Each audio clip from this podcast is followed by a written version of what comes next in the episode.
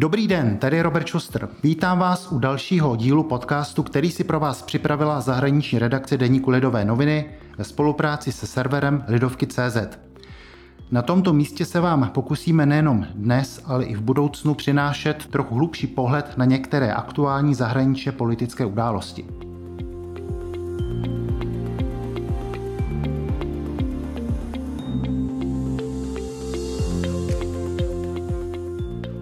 Dnes se zaměříme na Itálii, která se v minulých týdnech potýkala s vládní krizí.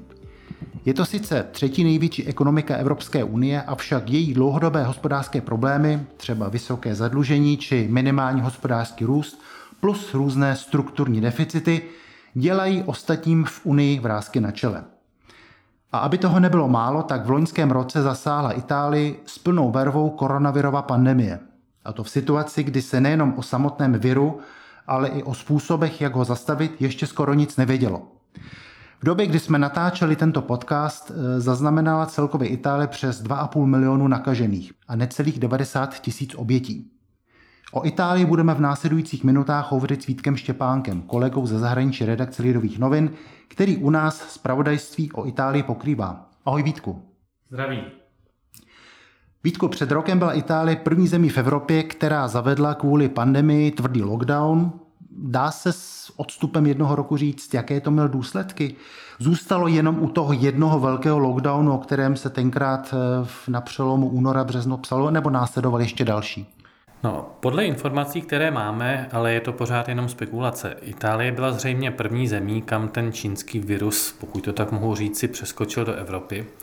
A u nich se proto ta epidemie s velkým rozsahem rozšířila z evropských států jako první. Oni přistoupili k uzávěře, nad kterou, myslím, jsme v polovině března my v ostatních eh, zemích Evropy kroutili hlavou, protože jsme si nedokázali představit, že by něco takového mohlo přijít třeba taky k nám. A když teďka můžeme trochu rekapitulovat téměř po tom roce, tak se dá říci, že ta italská uzávěra patřila vůbec nejtvrdším, které na starém kontinentě byly. Oni totiž nejenže uzamkli lidi doma s tím, že až na několik vyjmenovaných důvodů nebylo možné opouštět obydlí, ale třeba taky zastavili veškerou takzvanou postradatelnou výrobu. To jsme jinde v Evropě neviděli.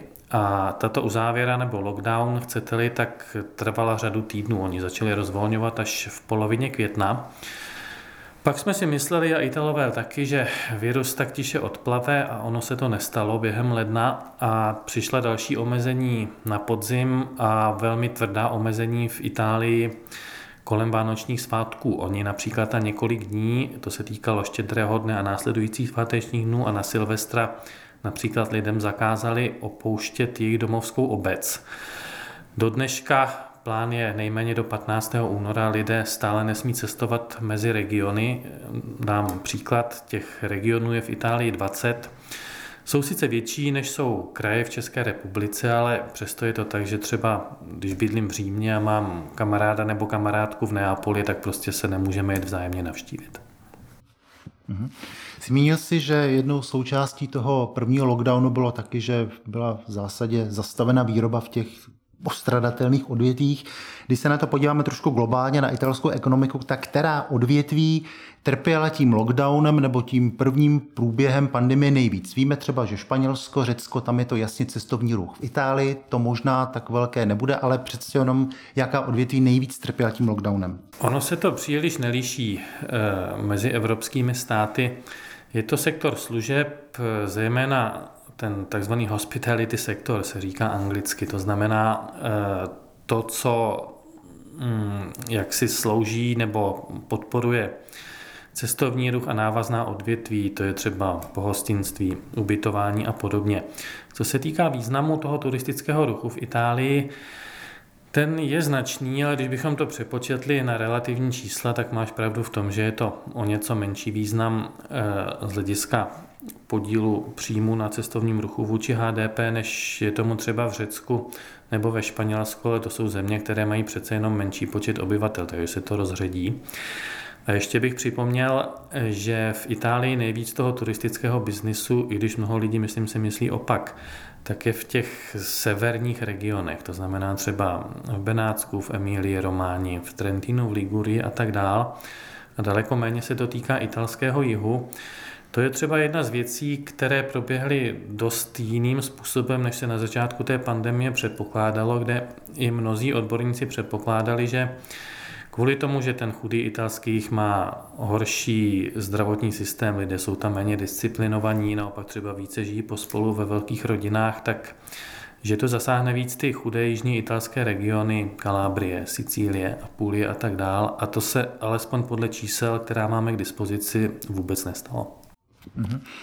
A jak vlastně na tom teda to italské hospodářství je dneska, když si pomineme to, že, dochází, že došlo postupně i k nějakému pomalému otevření v některých sektorů, některých branží, e, jsou třeba, máš k dispozici nějaká čísla, pokud jde o třeba pokles hrubého domácího produktu za ten uplynulý rok? Konečné číslo ještě není. Za rok 2020 bude to zřejmě někde mezi 8 a 10 procenty mínus, což je samozřejmě bezprecedentní číslo.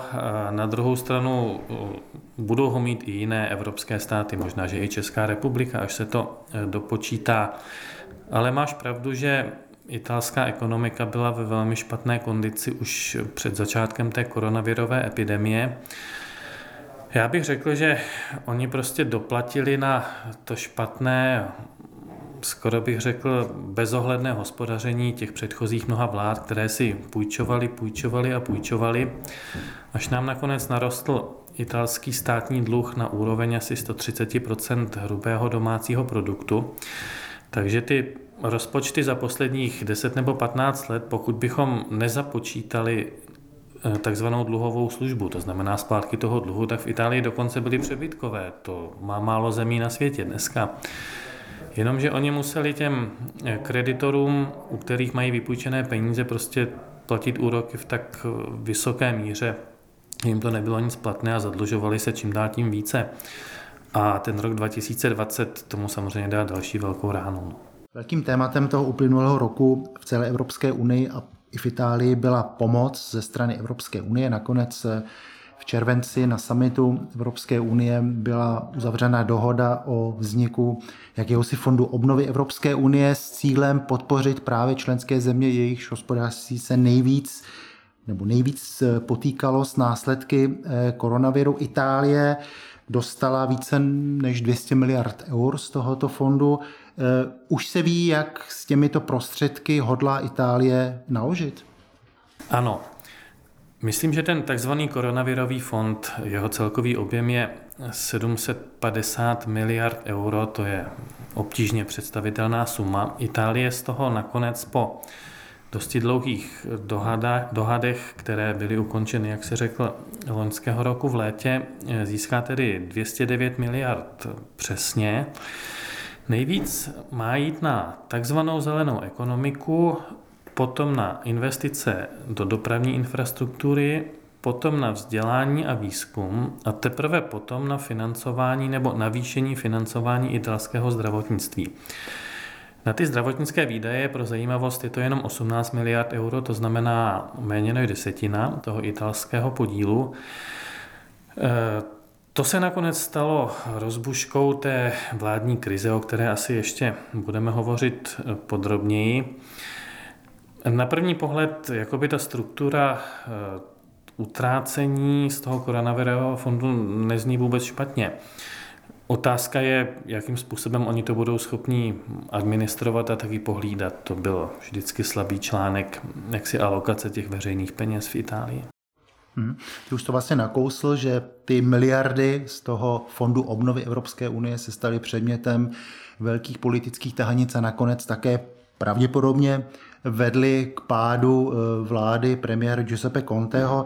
Eh, o co konkrétně tam vlastně šlo? Šlo o to, když to zjednoduším, jestli se teda přidá víc na školství nebo méně třeba do zelené ekologie nebo zelené ekonomiky? No, pan bývalý premiér Matteo Renzi, aktuálně šéf malé, donedávna tedy koaliční strany Živá Itálie, to komunikoval tak, že, a teď cituju doslova, je špatné, že z koronavirového fondu jde málo peněz na dlouhodobé strukturální změny. Konec citátu. Když se ještě jednou zpětně podíváme na strukturu těch výdajů z toho fondu, jak jsme zmínili před chvílí, tak ono to na to až tak úplně nevypadá.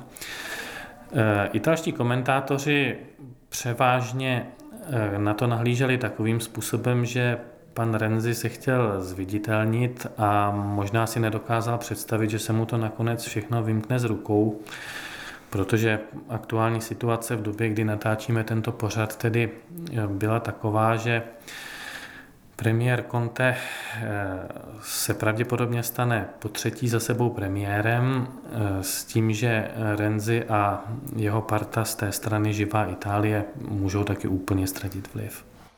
Takže sdílíš třeba ten názor, který si objevil v souvislosti s pádem vlády Giuseppe Conteho, že Matteo Renzi je tím zlým mužem, který nakonec jediný se zasloužil o to, že ta vláda padla, nebo že teda ztratila většinu v obou komorách parlamentu? Působí to tak. Jiný renegát, pokud mohu užít toho slova, se tam nevyskytl. Italská pravice, která už je vlastně víc než rok a půl úplně vyšachovaná ze hry, tak ta v tom hrála jenom marginální úlohu, navzdory tomu, že si pořád drží poměrně značnou popularitu mezi lidmi. Dosavadní premiér Giuseppe Conte si hlavně během koronavirové pandemie počínal velmi dobře, stal se z něj nejpopulárnější politik Itálie.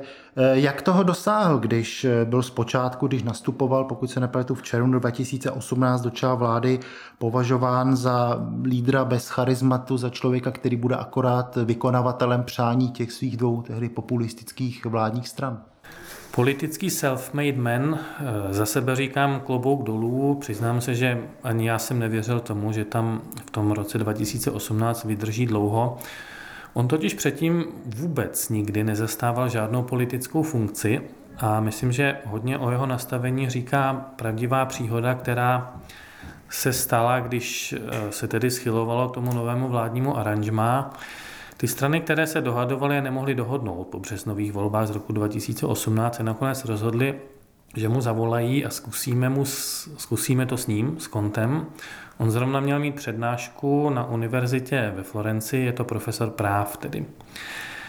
No tak eh, odvolal svoje studenty s tím, že si to řeknou někdy jindy, koupil si lístek na rychlovlák a přijel z Florencie do Říma a za pár dní potom byl premiérem.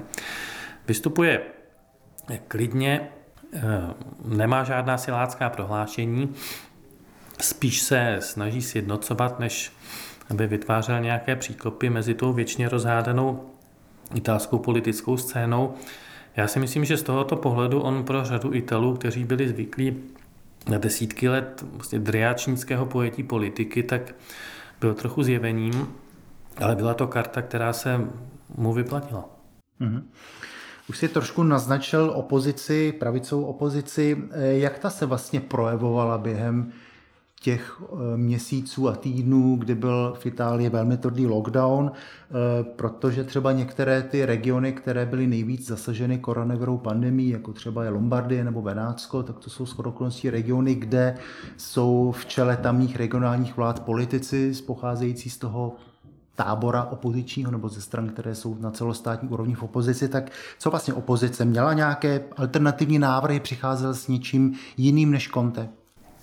Podobně jako v jiných evropských zemích, eh, ti opoziční politici, a nemusí to být nutně vždycky jenom na té eh, jak si ose pravice, levice, tak samozřejmě ta vládní opatření kritizovali ve směs na tom půdorysu, že jsou příliš přísná, že to zadusí ekonomiku a tak dále. A byli viditelní právě ti dva guvernéři těch lidnatých a hospodářsky významných regionů, které si zmínil, to znamená Attilio Fontana v Lombardii a Luca Zaja, šéf Benátska. K podobným dohadům docházelo například ve Španělsku, našli bychom i jiné země, ve Francii třeba pokud vím také, Eh, nedosáhli ničeho. Prostě ta vláda to měla a má pevně v rukou. Eh, tam se vládne pomocí dekretů. Ta zkrátka je DPCM. Je to, myslím, mezi velkou částí Italů ten eh, nejnenáviděnější dokument, který v té zemi koloval opakovaně znovu a znovu. Další dekret, který by nějakým způsobem měl postulovat, eh, zatím se hovoří o zmírnění těch opatření, tak eh, ten by měl být 15. února. Dá se říct třeba, že ta opozice, pokud jde o celostátní průzkumy, A zase na druhé straně popularitu Giuseppe Conteho třeba ztratila během toho nejtvrdšího lockdownu v Itálii. Ano. Když se podíváme na průzkumy veřejného mínění za poslední rok, tak eh, pan Matteo Salvini, což byl ministr vnitra v první Conteho vládě, když ještě Liga byla ve vládě, tak eh, Liga měla taky víc než 35%, což je famózní výsledek. Dneska má o 10% bodů méně, dokonce ještě o něco méně, asi 23 a 20%. Naproti tomu vyrostla eh, druhá, snad můžeme říci krajně pravicová strana Bratři Itálie, ale dohromady pravice ztratila a to značně. Už eh, dávno nemůžeme říci, že kdyby se dneska volali, konali volby, tak by pravicové strany pokud bych do toho započítal i Berlusconiho stranu z hůru Itálie, by snadno získali přes polovinu mandátů. Nezískali. Uh-huh. Pomalu každá vládní krize v Itálii, kterých nebylo od konce druhé světové války vůbec málo, byla mimo jiné spojena i s otázkou, jestli budou vypsány předčasné volby. Jak je to nyní během té poslední vládní krize? Byly předčasné volby nějakou reálnou opcí? Podle většiny italských komentátorů nikoli. Jeden z nich to komentoval, myslím, že velmi výstižně. Řekl, největší silou současné vládní koalice to znamená demokratická strana a hnutí pěti hvězd a donedávna ještě ta Renziho strana Živá Itálie. Jejich největší silou je, že jsou dohromady tak slabí, protože vědí, že kdyby přišly volby, tak, a teď dodávám za sebe, navzdory tomu, o čem jsme se bavili před chvílí, že pravice ztratila, tak by nemuseli vyhrát. E, takže volby jsou teoreticky na stole, dával bych tomu 5%, myslím, že k ním nedojde teď. Pominuli fakt, že i kdyby teda se volby konaly, tak by nebylo podle čeho volit, protože sice se rozhodlo o zmenšení parlamentu o třetinu, pokud se nepletu, ale volební zákon je stále ještě v nedohlednu, nebo nebyl aspoň na programu. Je to tak, je tam přechodné období, ano. Těch zákonodárců bylo strašně moc, nebo stále ještě je tedy přes 600 v dolní komoře a 315, pokud mě paměť neklame v Senátu, to znamená, dohromady, dohromady máme skoro tisícovku.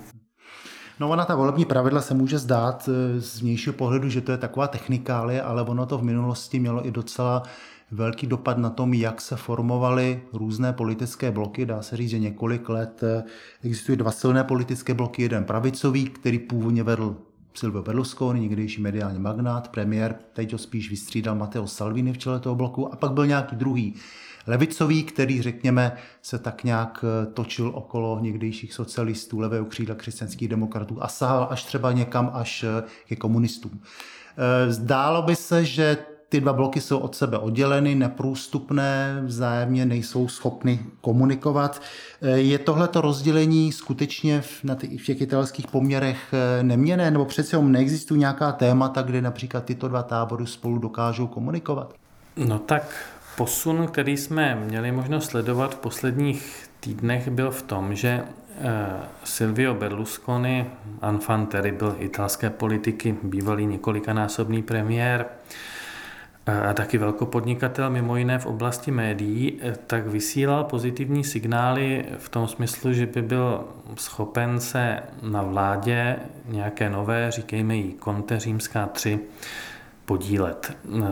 To by ale na druhou stranu nebyla zas taková novinka, protože když se podíváme na tu první Conteho vládu, no tak tam jsme měli hnutí pěti hvězd, což eh, na té pravolevé ose, pokud ji použijeme, tak samozřejmě tíhne spíš doleva a vládli s jednoznačně pravicovou Salviniho ligou, takže ono se to přelévá tam a zpátky. No. Tak to byl další díl světového podcastu Lidových novin, který vznikl ve spolupráci se serverem Lidovky.cz.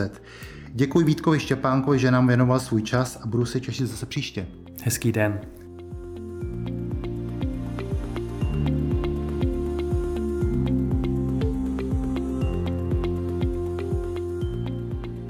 Nejenom tento, ale i všechny další naše podcasty najdete na webu lidovky.cz a na obvyklých platformách, jako například Spotify či Apple Podcast – za pozornost vám děkuje a všechno dobré přeje Robert Schuster.